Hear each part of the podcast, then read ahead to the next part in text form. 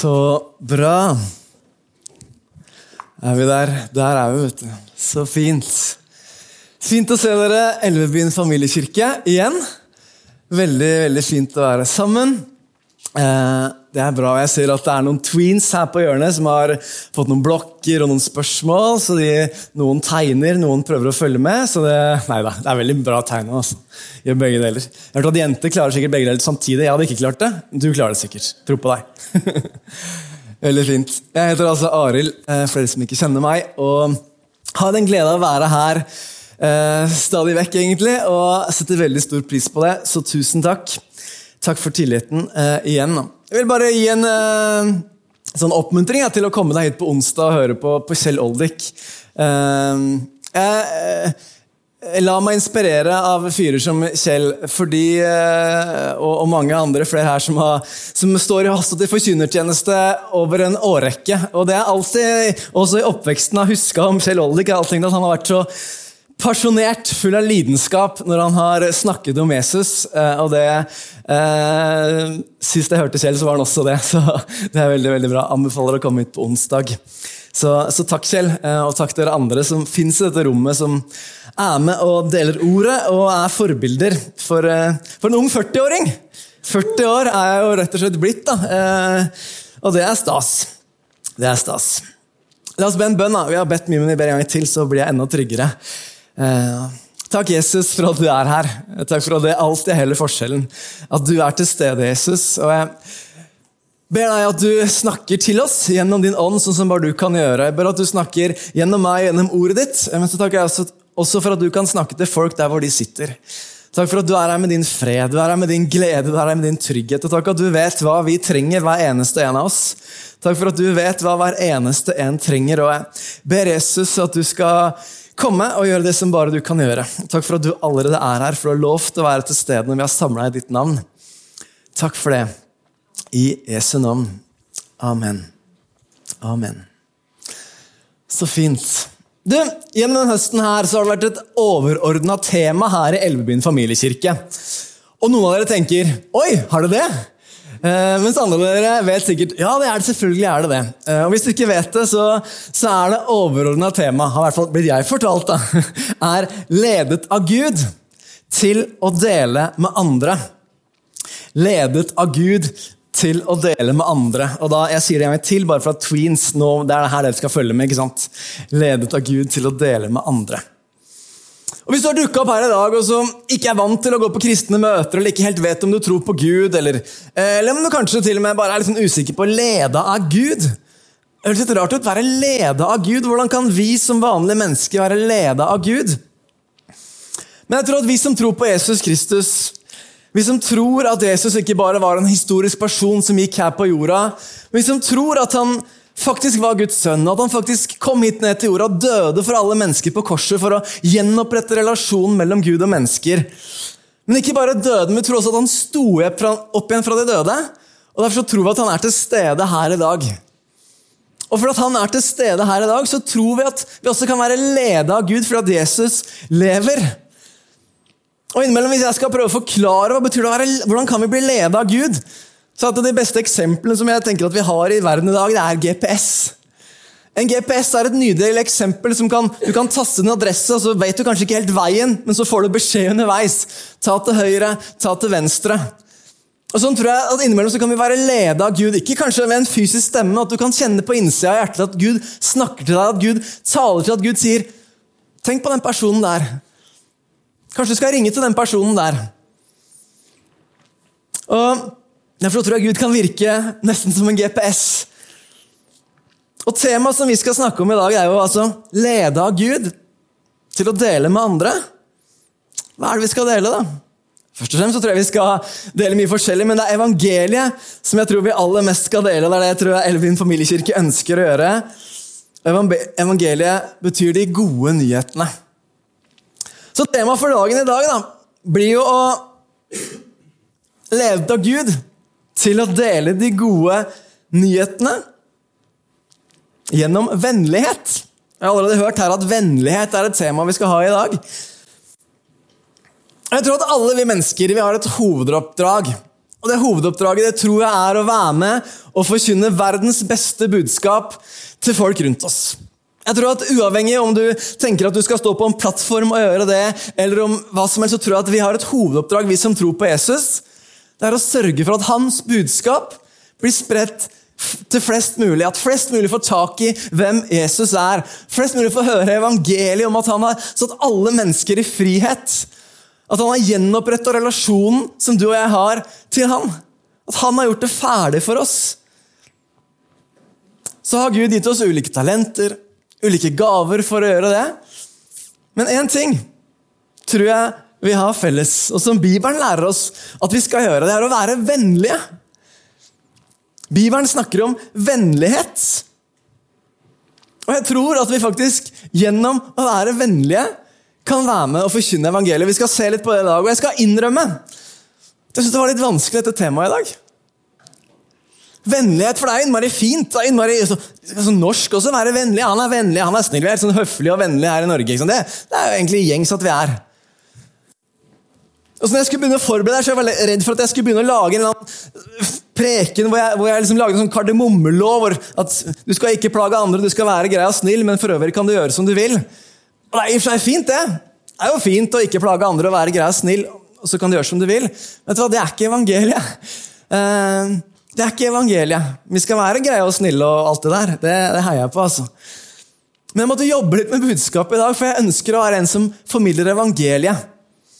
Men det å være vennlig er nevnt mange ganger i Bibelen.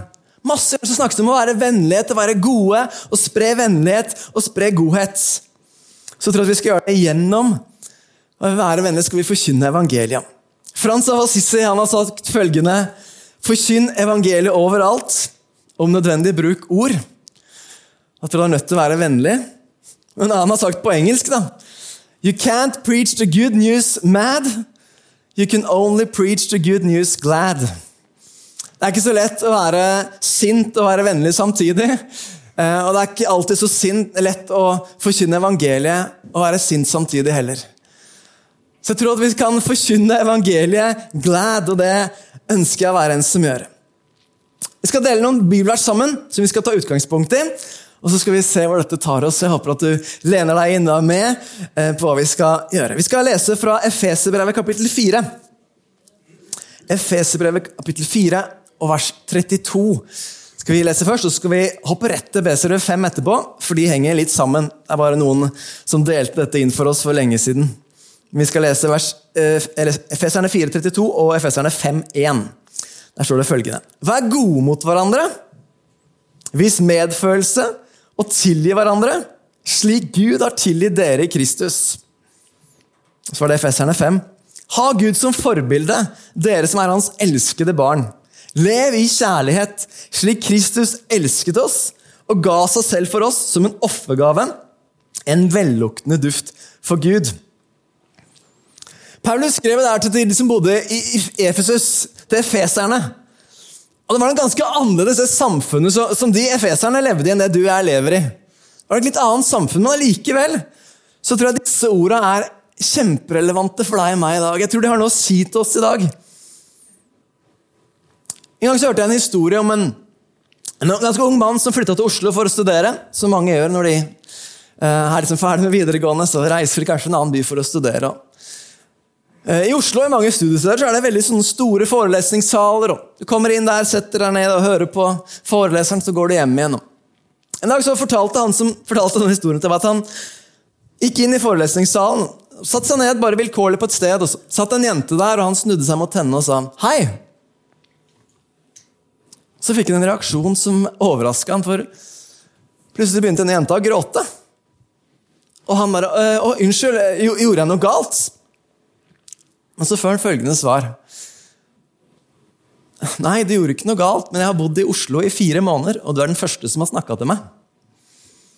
Du er den første personen som har vist noe form for vennlighet mot meg. Du er den første personen som har sett meg. Jeg har bare vært Jeg har ikke vært alene, for det er mye folk her.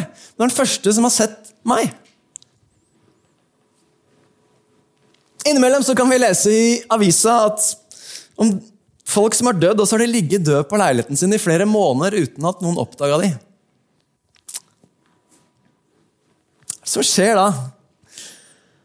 Da mangler du et eller annet. Det er folk som er ensomme, det er folk som trenger et fellesskap, det er folk som trenger venner, det er folk som trenger at noen ser dem. Disse to historiene her sier oss alt om at vet du hva? samfunnet vårt Og Veldig ofte så hører vi at folk er ensomme. Folk i samfunnet vårt lider av ensomhet. Og løsningen på ensomhet er jo egentlig ganske enkel. Altså I teorien er den enkel. Fordi at i teorien så har det vært sånn at hvis man har noen å være sammen med, så trenger man ikke være ensom. Og så kan jeg tenke at det er helt umulig for meg å redde hele verden. Og ja, det er helt umulig for meg å redde hele verden. Men det kan hende at jeg ikke kan redde hele verden, men det kan hende jeg kan redde hele verden for én person. Det kan hende at jeg med mitt ene bidrag kan si Vet du hva? Jeg vet om at du er ensom. Jeg ringer til den personen. Ikke si ja, jeg vet jo at du er ensom, så jeg ringer til deg. Men Kanskje du tenker på noen i dag som du vet, vet du hva, ja, de er faktisk litt ensomme. Jeg tror at de er ensomme. Jeg tror at de har det litt sånn trist. Jeg tror jeg skal ta den telefonen, jeg tror jeg skal invitere dem hjem på kaffe til meg.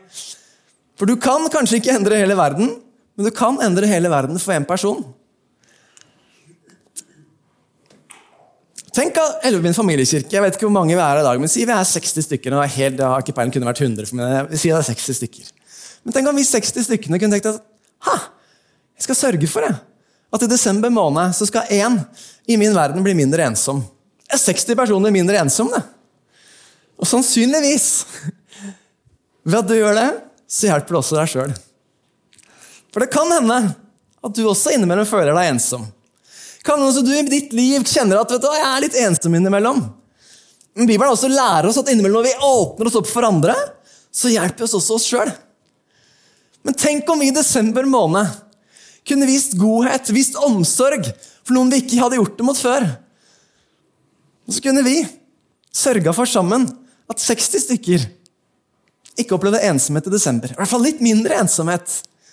At vi inviterte dem, at vi inkluderte dem. At Vi kanskje inviterte dem med på en eller annen julesamling som var her. Du får lov til å kjenne det fellesskapet som fins i dette rommet. For hva jeg har lært er at Dette rommet er fullt av så fantastisk mange gode mennesker. Som er full av vennlighet, full av godhet, full av omsorg. Tenk om vi kunne sørge for å være noen som går lenger med det. For du og jeg, vi som har Jesus som forbilde For denne verden, Jeg tror det er mye godhet i verden. Jeg tror det er mange som er gode, mange som viser omsorg. Men du og jeg som tror på Jesus, vi blir utfordra litt ekstra. For Vi leste akkurat her i Efeserne 5 ha Gud som forbilde, dere som er hans elskede barn. Det er nydelig å bli minnet om at vi er Guds elskede barn. Det er jo en fantastisk påminnelse. Så om du ikke kommer for noe annet i dag, så kan du bli minnet om at du er Guds elskede barn. Men så er det 'lev i kjærlighet', slik som Kristus elsket oss og ga seg selv for oss som offergave, en velluktende duft for Gud. Så vi skal ha Gud som far. Han sendte Jesus sin eneste sønn for å dø for deg og meg. Og så utfordrer han oss på at vi skal ha han som forbilde i måten vi lever livet vårt på. Help me God. Hjelp meg, Jesus. Lev livet i kjærlighet. Som en velluktende duft for Gud. La oss lese noen flere bibler som snakker om vennlighet. Filippebrevet 4 vers 5, så står det følgende Filippebrevet 4, vers 5. La alle mennesker få merke at dere er vennlige. Herren er nær. La alle mennesker få merke at dere er vennlige. Alle mennesker merke at dere er vennlige. Jeg vet ikke, Innimellom skal jeg jo innrømme da, altså, Magnus sa det her at, at, hvis sola skinner, så er det litt sånn ekstra lett å være ekstra vennlig. Eh, for meg så kjenner jeg at hvis jeg, sånn, hvis jeg, har mye å gjøre, det skjer mange ting, så kan jeg fort bli litt mindre vennlig enn jeg ønsker å være. Det er plutselig kan jeg kanskje si noe som jeg skulle ønske jeg ikke sa, at jeg ikke var så vennlig som jeg skulle ønske. Så la alle mennesker få merke at dere er vennlige. Alle mennesker. Herren er nær. 2. Timoteus 2 skal kommentere litt flere av disse versene etterpå. Vers 23. 2. Timoteus 2, vers 23. Men tåpelige diskusjoner som ingen lærer noe av, skal du avvise fordi du vet at de skaper strid. En Herrens tjener må ikke ligge i strid, men være vennlig mot alle. Dyktig til å undervise, villig til å tåle ondt. Så han ydmykt viser dem til rette som sier imot, for kanskje vil Gud en gang gi dem å vende om, så de lærer sannheten å kjenne. Det siste verset vi skal lese på rad her, er fra Galaterne 5, vers 22. Her står det Galaterbrevet kapittel 5, som også Paulus har skrevet til de som bodde i Galater. Galia. Eller hvor de bodde. Galaterne. Ja, som han er. Paulus heter Galaterne. Vær overbærende. Vis vennlighet mot meg nå. Galaterne 5,22, der står det Men åndens frukt er kjærlighet, glede, fred, overbærenhet, vennlighet, godhet, trofasthet. Her vi kan lære av disse dagens tekster. Jeg skal ha fem kjappe punkter med alt vi allerede har sagt. det hører jo med, Men det ene er vennlighet. Vi skal vise vennlighet og godhet. Når du lever livet, la oss sørge for at vi er vennlige mot alle rundt oss. Så sto det her i Galaterne 5.22. Så vi vet at I Norge er vi ganske vennlige folk. egentlig stort sett. Tror vi er vennlige. Men det står her i Galaterne 5.22 at en av åndens frukter er vennlighet. Og jeg påstår at uh, det er ikke alle på din jobb som er vennlige fordi de har åndens frukter, men de er vennlige på en kanskje litt annen måte. De er høflige. I Norge så er vi stort sett ganske høflige. Men så at ånd, Åndens frukt er en vennlighet. Hva er egentlig åndens frukt? Et epletre det tar seg ikke sammen og sier Nå skal jeg prøve å få ut de eplene her! Jeg tror at Hvis vi skal være, ha åndens frukt som vennlighet, eh, vennlighet som åndens frukt, så handler ikke dette om å tale sånn nå skal jeg skjerpe meg, nå skal jeg få det til. Men jeg vet at frukt, åndens frukter, det får vi når du og jeg er sammen med Jesus Kristus. Når vi lar oss påvirke han, når vi utsetter oss for hans nærvær, så kommer åndens frukter. Når vi lar oss påvirke han, eller lar oss blende av hvem han er, av hans godhet, når vi minner oss sjøl på at vi er Guds elskede barn Han elska meg først. Når vi utsetter oss for hans nærvær, så kommer åndens frukter. Når du er planta i Jesus, så tror jeg, mener virkelig det, at vennlighet og godhet er en av fruktene som kommer ut av det. Hva annet er det vi kunne lære av dagens tekst? Vi skal tilgi andre som, at, som Jesus har tilgitt deg. Tilgivelse er noe vi også snakker om i samfunnet vårt generelt. Men ofte så er det liksom betingelse. 'Jeg kan tilgi deg hvis' Men bak på skjermen så står det Elvebyen familiekirke vi vil lede mennesker til Guds betingelsesløse kjærlighet. For Guds kjærlighet er betingelsesløs. Og han tilgir oss betingelsesløst.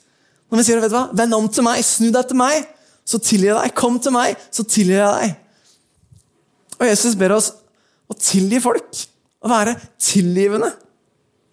Så jeg har hatt gamet steppe opp her. Det er ikke bare liksom, være grei og snill og forgjøre som kan gjøre som du vil.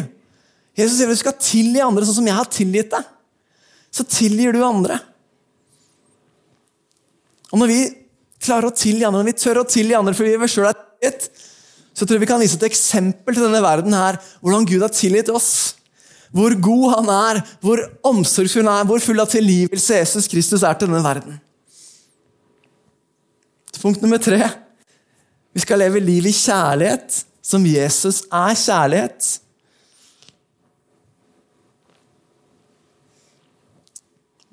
Vennligheten var mer enn et nikk. da. Det var ikke det norske nikket. Men så lev et liv i kjærlighet, til Jesus, som Jesus er kjærlighet. Vi leste Efeserbrevet 5 i stad. Så det at, at Jesus' kjærlighet var en velluktende duft for Gud. Hva lukter du av? Hva lukter du på din arbeidsplass? Hva lukter du på din skole? Hva skjer når du går inn i et rom? Er det sånn odør av, av sinthet, av surhet, av grettenhet? Av... Er det vennlighet? Er det godhet? Er det kjærlighet? Hva slags vellukt er det du har med deg? Hva lukter du når du går inn til et rom? Det står at vi kan være Guds vellukt her på jorda, at vi kan være med å spre hans vellukt rundt omkring der vi går.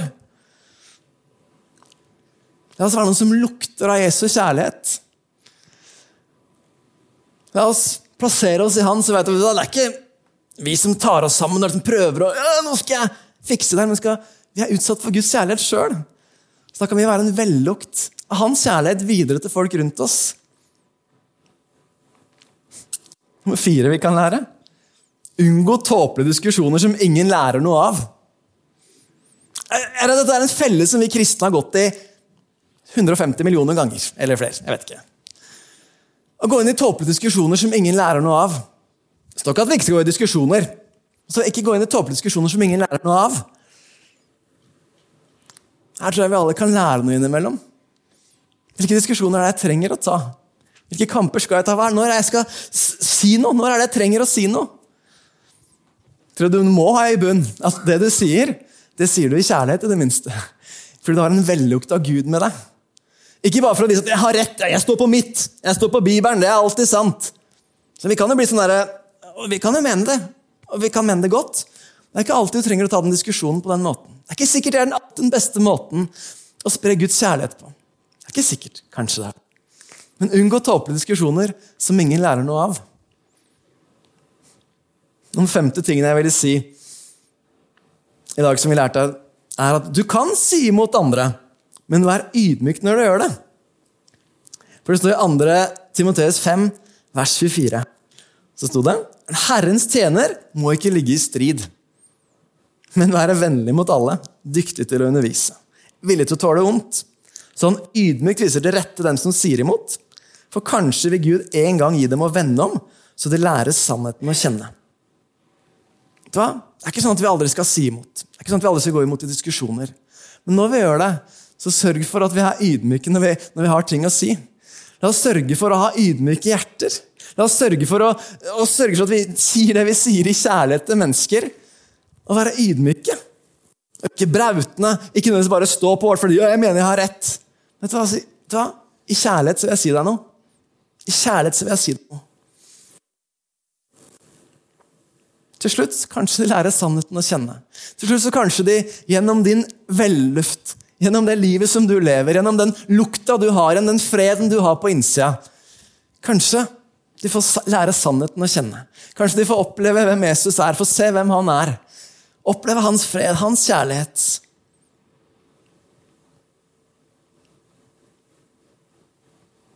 Så fins det sikkert folk i din verden som du syns er ganske vanskelig å vise vennlighet mot.